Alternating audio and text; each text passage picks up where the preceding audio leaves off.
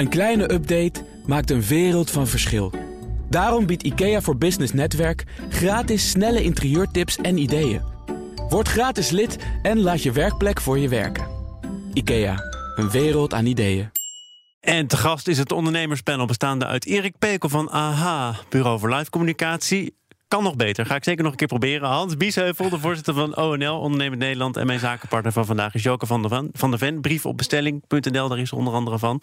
We beginnen met jullie eh, eigen nieuws. Nou, dat mag er zijn. Jullie komen met geschriften binnen. De ene heeft de, de derde druk van zijn boek meegenomen. Erik, gefeliciteerd. Vandaag in de handel, echt hartstikke mooi. Ja, echt super. Ik denk dat er Het is niet mijn nieuws van de week hoor. Nee.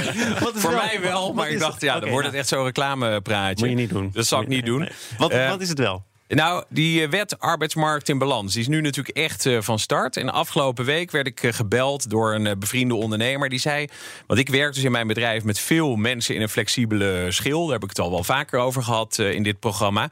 En die belde, hoe doe je dat nu, weet je, als het gaat over eh, verlonen? En ik zei, nou, je moet, en daarom dacht ik, dat moet ik hier ook even noemen. Je moet er echt even op letten, want als je mensen dus op oproepbasis zo nu en dan nodig hebt, en dat is bij evenementen, congressen, is dat gewoon eh, het geval. En, en in de horeca natuurlijk ook vaak, en in heel veel takken van sport. Maar dan is het zo dat vanaf nu je na een jaar, als je die mensen dus vasthoudt, dan minstens net zoveel werk moet bieden. Minstens net zoveel uren. Daar kunnen ze gewoon van op aan. En als je dat niet kunt bieden, dan moet je het gewoon betalen. Dus dat is wel echt een groot ondernemersrisico. eh, waarvan ik denk eh, dat heel veel ondernemers zich daar onvoldoende van bewust zijn. En dus waarschijnlijk over een jaar.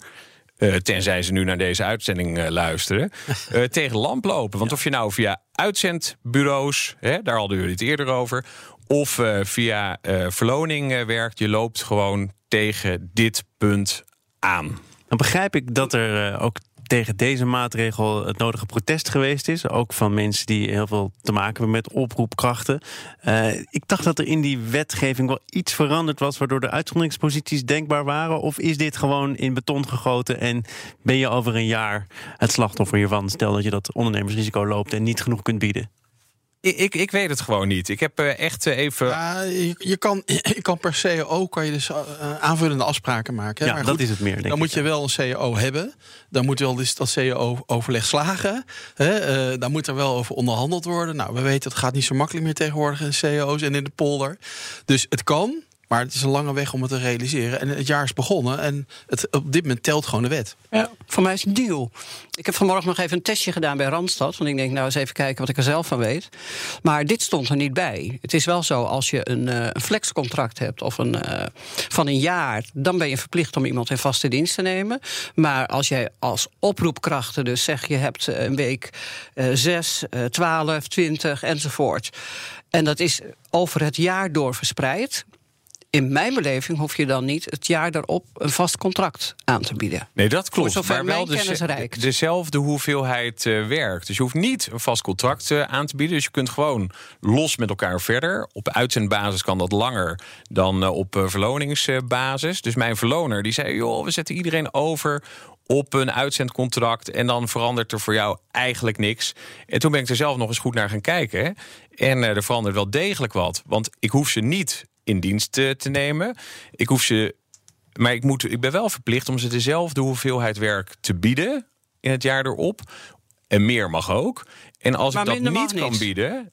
Nou, dat mag wel, maar dan moet ik wel 100% betalen in ieder geval. Dus eh, Ja. dan moet ik betalen wat ik het jaar is ervoor betaald had. Ja, ja, het is natuurlijk bedoeld om, om een flex op deze manier dan. Hè, dat is volgens mij de hele uitgangssituatie. Om dat minder aantrekkelijk te Is maken. doel dat lukt Maar wel. je zal een strandtent hebben of een camping of openluchtzwembad. Ja, maar of daarvoor een is dus die aanvullende eh, mogelijkheid gekomen om, om iets Ja, te moet- wijzigen. maar goed, dat moet, dan, dat moet dan wel dan gaan gebeuren per CEO. En je merkt dat FNV en de bonden zijn helemaal niet gewillig om daar eh, op in te gaan. Dus het is maar de vraag of dat allemaal gaat, gaat lukken. We gaan naar andere geschriften van de hand van Hans Biesheuvel. Vandaag stond het in het FD. In het uh, Algemeen Dagblad deze keer. Algemeen Dagblad. Ja. Onze economie draait nog steeds op het MKB. Ik had Ja. niet anders van jou verwacht. Ja, nou ja, ik, dacht toch wel belangrijk in het begin van het jaar Ja. dat even dat besef eh, te laten doordringen. Hè? Want je in Den Haag, ik ben net weer terug van vakantie. Hè? Hoe was het? Eh, Want ja, je was hier twee weken twee vrij weken met mijn Ja, telefoon uit. Thomas geloofde mij Nee, ik maar geloof ik het ben niet. twee Ik heb hem nog gebeld. Hey, De redactie heeft jou toch... Je stuurde toch nog een appje terug. Dus helemaal onbereikbaar was je niet. Moest je Maar afkicken. goed, onder de kerstboom heb ik dacht ik laat ik toch nog eens even wat opschrijven. Want eh, in Den Haag valt continu het woord groeivermogen en verdienvermogen. Nou, ik dacht laten we ons even onder de aandacht brengen dat voor elke 3 euro die we in het land verdienen, 2 euro in het MKB verdiend wordt. Maar ik heb ook specifiek nog eens aandacht gevraagd voor, voor het woord directeur groot aandeelhouder, DGA. Ik maak als een grapje, maar het is geen grapje. Als ik in Den Haag tegen een politicus of een ambtenaar zeg eh, MKB-ondernemer, krijg ik meestal een welwillend glimlachje. Maar als ik zeg DGA, directeur groot aandeelhouder, verschijnt er een eh, verbeterd blik op het gezicht. Terwijl het overgrote deel van de MKB'ers is DGA. Dus dat woord DGA heeft eigenlijk een negatieve klank gekregen. Ik vrees dat dat ook te maken heeft met de discussie over grote bedrijven die ja, belasting willen ontwijken of zo min mogelijk belastingen willen betalen. En die DGA wordt daar echt toch een beetje mee op één hoop gesmeten. Ehm, ik heb Maar jij zegt dat zijn gewoon mensen die op de werkplaats meewerken. ja, die in een overgrote deel van de. MKB'ers. Precies, dat zijn gewoon DGA's. Dat is helemaal een fiscale term. Ja. Die term is verwarrend. Dus ik pleit ook voor, laten we daar een andere term voor bedenken. Want ik baal van die negatieve eh, ja, blik die er eigenlijk is bij die politiek. We hebben dat MKB keihard nodig. Maar je hebt hem al bedacht. Je nodig. hebt, je hebt hem al bedacht. Er is Ja. goed nieuws. Nee, ja, ik heb hem bedacht, maar, Ja. la- maar la- laten we dan ook daar naar gaan handelen. Eh, hè, we hebben de afgelopen jaren gezien, er is een negatief sentiment naar DGA's bedrijfsleven. We hebben voor dat groeivermogen, dat de- die DGA's en bedrijfsleven, keihard nodig. En daar pleit ik gewoon voor. En juist nu in deze tijd, waarbij dat groeivermogen zo belangrijk is, zet in op het MKB. En zeg, zeg dan even wat die naam dan is. Ja, precies. Ja, je houdt de mensen wel in spanning. Nou, ik, ben, ik ben voor directeur-eigenaar. Eh, dat, dat is, je kan zeggen, Dat is een ja, hele oude. ja, maar kijk, Die was voor DGA. Ja, maar goed. Ik vind, kijk, het woord groot aandeelhouder, hè, dat heeft iets met grote bedrijven, multinationals. Ja. Ik, ben, ik voel me ook meer eigenaar dan directeur groot aandeelhouder. Dus Ja. directeur-eigenaar lijkt me een prima term. Ja. Kunnen we weer gewoon praten over ondernemen. Nou, ik ben presentator, dus ik heb geen mening. Maar ik snap wel wat Hans bedoelt. Jullie ook? Ja, zeker. Ja, ja. Ik kan me voorstellen dat die spraakverwarring, hè, dat dat heel onsympathiek maakt. En eh, ja, wat natuurlijk vaak naar voren komt, hè, zeker in jouw lobby, eh, Hans, is eh, dat, dat die, die. Nou ja, maar ik denk dat het een hele goede lobby is. Dat als je kijkt naar hoe enorm het kleinbedrijf eh, bijdraagt als het gaat om eh, belasting eh, betalen. De hele Ja, economie. Ja, precies. Ja, maar dus er mag echt wel wat knuffelbaarder, zeker. Ik, ik heb ook in het artikel geschreven, wie denk je dat de Sinterklaas in toch betaalt? Hè? Of de lokale volley- of voetbalclub. Maar wie denk je dat er uiteindelijk zijn- wordt van Sinterklaas? Ook het MKB. Tuurlijk, maar ik bedoel, het moet wel gebeuren. Hè? Hele goeie. Eh, eh, maar het, het mes snijdt aan twee kanten. Natuurlijk, eh, hè, doe dat MKB, maar het is ook keihard nodig voor heel veel maatschappelijke uitdagingen. Dus laten we even afgaan van, die, van dat beeld van. Hè. Ik stond eh, tegenover een staatssecretaris niet zo lang geleden. En die, die is nu doet hij wat anders inmiddels. Maar die zei tegen mij: ja, een directeur groot aandeelhouder is iemand die in een te dure auto rijdt. En te duur huis in Zuid-Frankrijk heeft. En geen belasting wil betalen. Ik zeg: maar hoeveel ken je er daarvan? Hè? Ik ken ze niet. Misschien zijn ze er wel. Maar dat is echt een, een beeld wat niet eh, klopt met de werkelijkheid. Ik zit nog steeds te bedenken welke staatssecretaris je nou zou bedoelen. maar goed, we gaan eventjes eh, door over dat MKB. En dan met name in een andere context. Want nog nooit waren er zoveel ondernemers in Nederland. 2 miljoen blijkt uit cijfers van de Kamer van Koophandel. Maar dat komt dan voor het grootste deel op het konto van ZZP'ers. En dan zegt de directeur van de Kamer van Koophandel... ehm, die mensen die willen ook niet per se doorgroeien naar het MKB. Groeien, dat is geen doelstelling. Erik, herken je dat? Ja, zeker. Eh, ik doe eh, ook voor de Kamer van Koophandel een hele eh, tour. met, naar- ja, ja, nee, maar voor ZZP'ers. en het leuke is dat die ZZP'ers... die komen dus ook met hele leuke voorbeelden. Dus er was een mevrouw uit Maastricht. Nou, laat, ik- laat ik eerst zeggen van... je hebt natuurlijk ondernemers die, die echt gericht zijn op groei en op mensen aannemen en op expansie. Die, die, die willen gewoon echt iets neerzetten. En je hebt gewoon vakmensen die gewoon heel lekker vinden om eh, steeds te kunnen doen waar ze heel goed in zijn en gevraagd te worden op waar zij, ja, waar zij van gaan stralen, wat ze echt heel goed eh, kunnen. Nou, deze mevrouw uit Maastricht, die had altijd in loondienst gewerkt voor een groot eh, winkelbedrijf met allemaal vestigingen door heel het land. En zij zorgde ervoor, zij hielp die winkels om te presteren. En dan ging ze dus steeds al die winkels langs en zorgde ze dat er goed uitzag. En dat, eh, dat eh, eh, hun marketing lokaal, weet je, over die acties, dat rolde ze allemaal uit. En vond ze superleuk om te doen. Maar ze baalde ervan dat ze zoveel onderweg was, dat ze steeds in die auto zat. Toen is ze voor zichzelf begonnen, lokaal. En is ze daar voor veel. Winkels in Maastricht aan de slag gegaan. En zij merkte dat wat ze eerst bij het hoofdkantoor neerlegde, dat zat ze zelf te doen. En daar was ze eigenlijk niet zo goed in. Dus ze moest ze zelf wat rommelen met die website. En ze moest zelf iets ontwerpen voor zo'n campagne. En toen dacht ze van nou, ik ga gewoon andere ZZP'ers vanuit hun kracht erbij vragen. En zo is ze een netwerk begonnen. Ja, want dat is Nou, wat er gebeurt. Hè? en dat is dus mooi, hè? Want dan, dan, waarom zou je dan medewerkers nodig hebben? Want zij verdient er alsnog op, hè? Zonder dat ze dus een risico erop wap. Ja, precies. Maar ik Want snap het ook wel een beetje. Kijk, werkgeverschap hebben we net ook wel even over. Wat is natuurlijk onaantrekkelijk geworden de afgelopen jaren. Het is ook niet makkelijk om je groei te financieren. Hè. Er zijn natuurlijk wel heel veel alternatieven. Ik ben er bij een paar van die betrokken. Maar het blijft toch voor ondernemers lastig om zeker groeifinanciering te vinden. Eh, maar het heeft ook een beetje te maken, zie ik in mijn eigen omgeving, hoe mensen hun leven inderdaad organiseren. Ja. Eh, waarbij zeg maar, die, die, die druk van het werkgeverschap en die last van alle dingen daarbij, ja, er niet altijd meer bij passen. En laten we heel eerlijk zijn. Kijk, de meeste, ik stond gisteravond nog met een zaal met heel veel ondernemers en ZZP'ers. Ja, de meesten zeggen, we verdienen op dit moment zo goed. Ook niet echt nodig dat ik op dit moment eh, per se goede mensen aanneem. Want mijn uurtarief is zo goed op dit moment. Ik kan er prima van doen. Het is ook een kwestie van mentaliteit. Het is echt een, een, een teken van deze tijd, vind ik. Ja. Eh, in mijn tijd was ondernemerschap. Ik heb nooit ZZP'er willen zijn. Dat zal het ook nooit worden.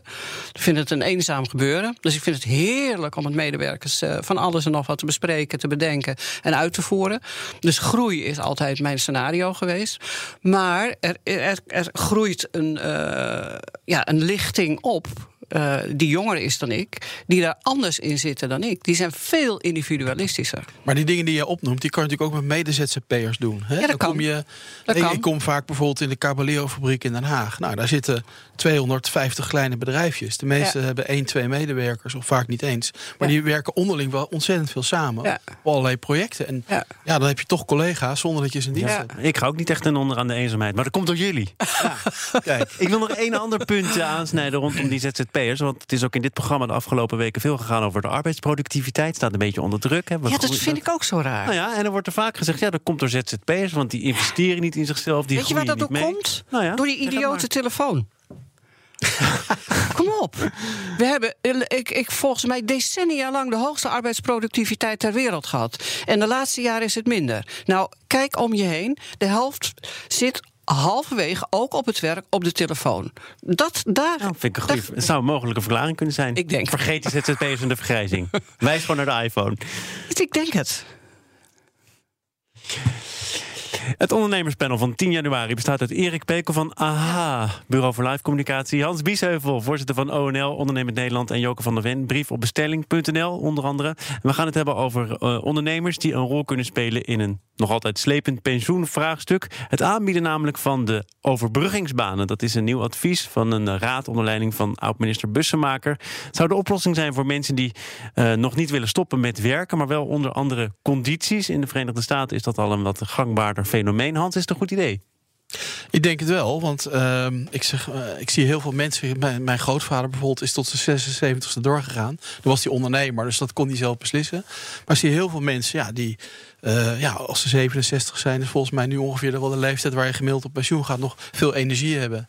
Ook graag nog dingen willen doen, willen toevoegen aan allerlei eh, bedrijven en organisaties. Maar laten we eerlijk zijn, we hebben ook heel veel mensen keihard nodig op dit moment. Er zijn een grote tekorten op de arbeidsmarkt. Ik denk iedereen die kan en wil werken.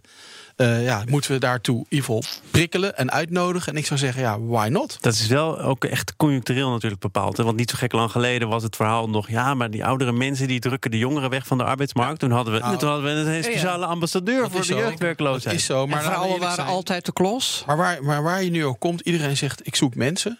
Ja. Nou, eh, als mensen 67 zijn of 65, maakt me niet uit. En die zeggen ik kan en wil nog door. Waarom zou je ze verplicht met pensioen laten gaan? Ik vind dat dat een heel goed idee is om daar ruimte te bieden. Wil je door, kan je door. Toen ik mijn eerste CAO afsloot als werkgever, heel lang geleden ook, 30 jaar geleden. Maar toen hadden wij de deeltijdfut en de, en de, en de pre-fut. Dan kon je langzaam wennen vast aan die periode. Nou, dit lijkt er een beetje op. Alleen is het een beetje hè, aan de andere kant van, eh, van de medaille. Maar ik zou zeggen, laten we dat vooral goed onderzoeken. Ja, vooral dat je dus verplicht Ja. met pensioen gaat. Dat lijkt me zo verschrikkelijk. Hè? Dus dat is, als je in loondienst bent, echt de realiteit. Dan besluit je werkgever, jouw tijd zit erop. Zodra je je AOW-leeftijd bereikt, kan die dat rekken. Maar die kan ook zeggen van, nou, het is nu klaar. En in Leiden, daar loopt een onderzoek. Een geweldig onderzoek. Dat heet het Leiden Lang Leven studie. En daar kijken ze dus, eigenlijk is het een medisch onderzoek. Hè. Ze kijken naar mensen die in een goede gezondheid en grote vitaliteit een hoge leeftijd bereiken. En iedere keer komt als een van de belangrijkste pijlers naar voren dat die mensen die blijven zichzelf uitdagen. Die worden gewoon uitgedaagd door hun omgeving, mentaal en fysiek. En met werk, of dat nou betaald werk is of vrijwilligerswerk, ja, krijg je gewoon wat uitdaging. Je hebt gewoon een reden om je bed uit te komen. Dat kan natuurlijk ook als je lekker gaat reizen of als je jezelf op een andere manier uitdaagt. Maar kies daar in vredesnaam zelf voor. Geef mensen de mogelijkheid om zich te ontplooien zoals ze dat willen. Dus ja, of dat nou een overbruggingsbaan is of een ZZP schap op lage leeftijd. Want vroeger, dus bij Kamer van Koophandel, was geloof ik de gemiddelde leeftijd van een starter 62, ja, het was 62 jaar of zo. Hè? Want het kwam omdat mensen na hun loopbaan starten ze met een adviesbedrijfje. Bureau. Ja, dat kan nog steeds. fantastisch. Dat toch? gebeurt, dat gebeurt nu ook op relatief grote schaal. Maar dat zou dan toch Fantastisch. dat, dan is die oplossing toch min of meer al voorhanden. Namelijk, nou, je werkgever zegt het houdt op. Volgende dag meld je je bij de Kamer van Koophandel. En dan ga je als zelfstandige gebeurt min of heel meer veel. hetzelfde doen. Dat Maar het allerbelangrijkste vind ik, en volgens mij eh, meldt eh Bussemaker dat ook in haar rapport, dat je er sociaal en maatschappelijk toe blijft doen. Ja.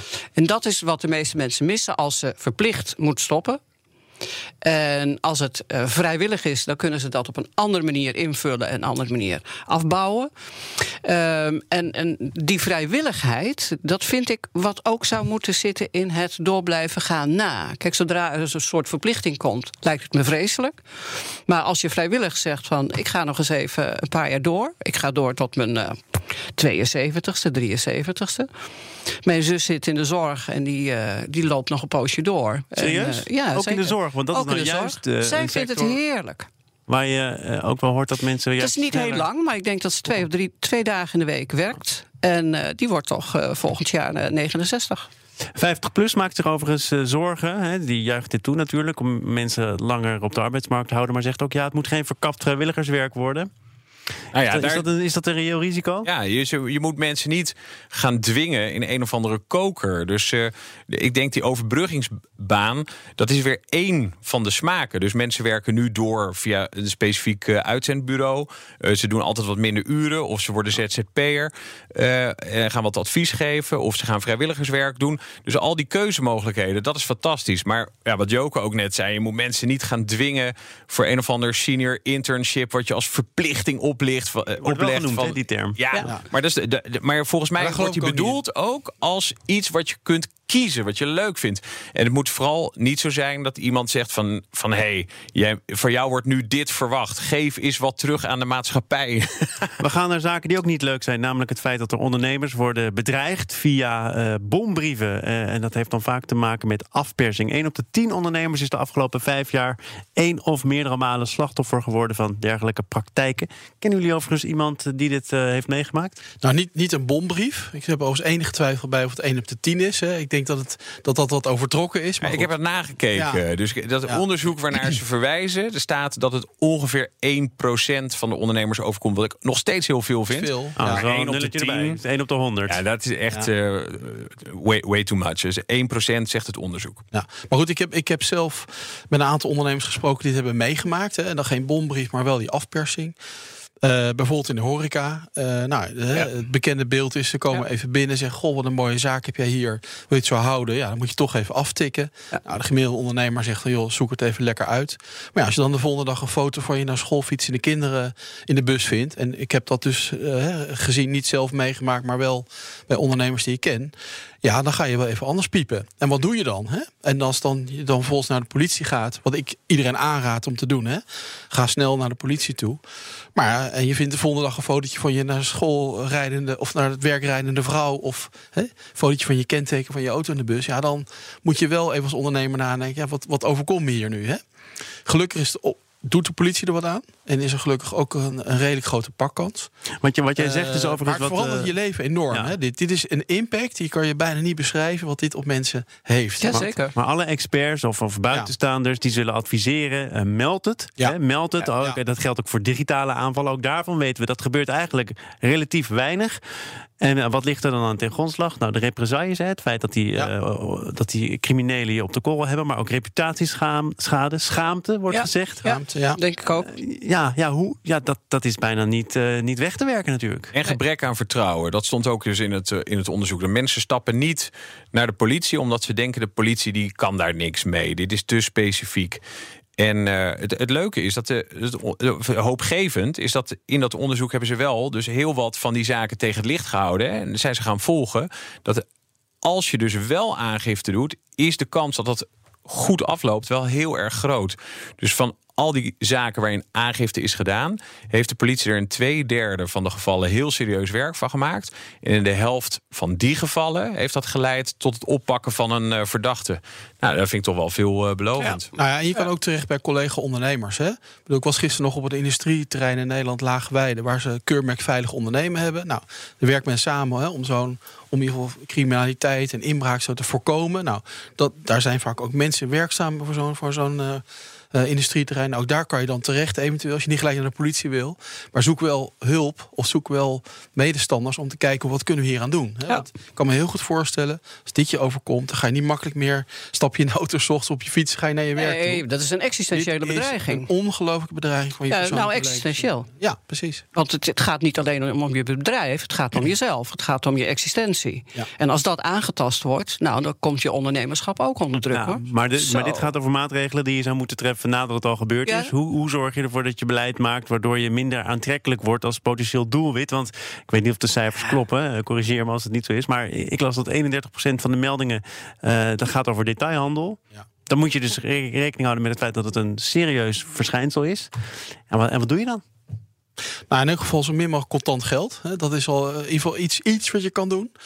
Contact met je... Want meestal zit je tegenwoordig hè, met... eh, nou, als je bijvoorbeeld in de horeca kijkt... zitten toch restaurants en dingen zitten vaak bij elkaar. eh, Zoek elkaar op, hè, praten over met elkaar. Eh, dat zijn al kleine dingen die je kan doen. Spreek de wijkagent erop aan. Hè. Dat is ook vaak een goed middel om niet gelijk naar het bureau te gaan... maar zo'n wijkagent die rondloopt. Het zijn kleine dingen die je kan doen. Maar echt, echt een wet of een maatregel om het helemaal te voorkomen... Ja, dat is natuurlijk heel ingewikkeld. Ja, nou in dat onderzoek is dat dus wel de conclusie. Dat Ja. ze zeggen van dit wordt al heel serieus genomen door de politie, maar dat kan toch nog beter. En de oproep is om te komen tot een eh, specifiek protocol. Dus eh, dat er nationaal tussen de verschillende eh, ja, diensten die ermee te maken heb- hebben, nog meer samenwerking op gang eh, komt. Ja, dat, dat zou structureel kunnen denk, helpen. Maar ik denk vooral samenwerking tussen ondernemers, hoor. Dat dat het meest geldt voor alle eh, instituten in ja, heel Nederland. denk ik, Ja, hoor. Ik dan vooral met elkaar als ondernemers optrekken als het zich voordoet. Want meestal niet alleen bij jou, ook vaak bij je buurman en je overbuurman. Dat is denk ik het meest effectief om te voorkomen. Met elkaar optrekken. Het is jullie Ja. weer gelukt het afgelopen half uur. Dank daarvoor. Hans Biesheuvel, voorzitter van ONL Ondernemend Nederland. Erik Pekel van AHA, Bureau voor Live Communicatie. En schrijver van het boek Het evenement dat niemand wil missen. Derde herziene druk. Ja, nu weer Die rijen worden alleen maar langer. En Joke van der Ven was mijn zakenpartner vandaag van Brief op Bestelling. Dank dat je er was. Als ondernemer hoef je niet te besparen op je werkplek. Want IKEA voor Business Netwerk biedt korting op verschillende IKEA-producten. Word gratis lid en laat je werkplek voor je werken. IKEA, een wereld aan ideeën.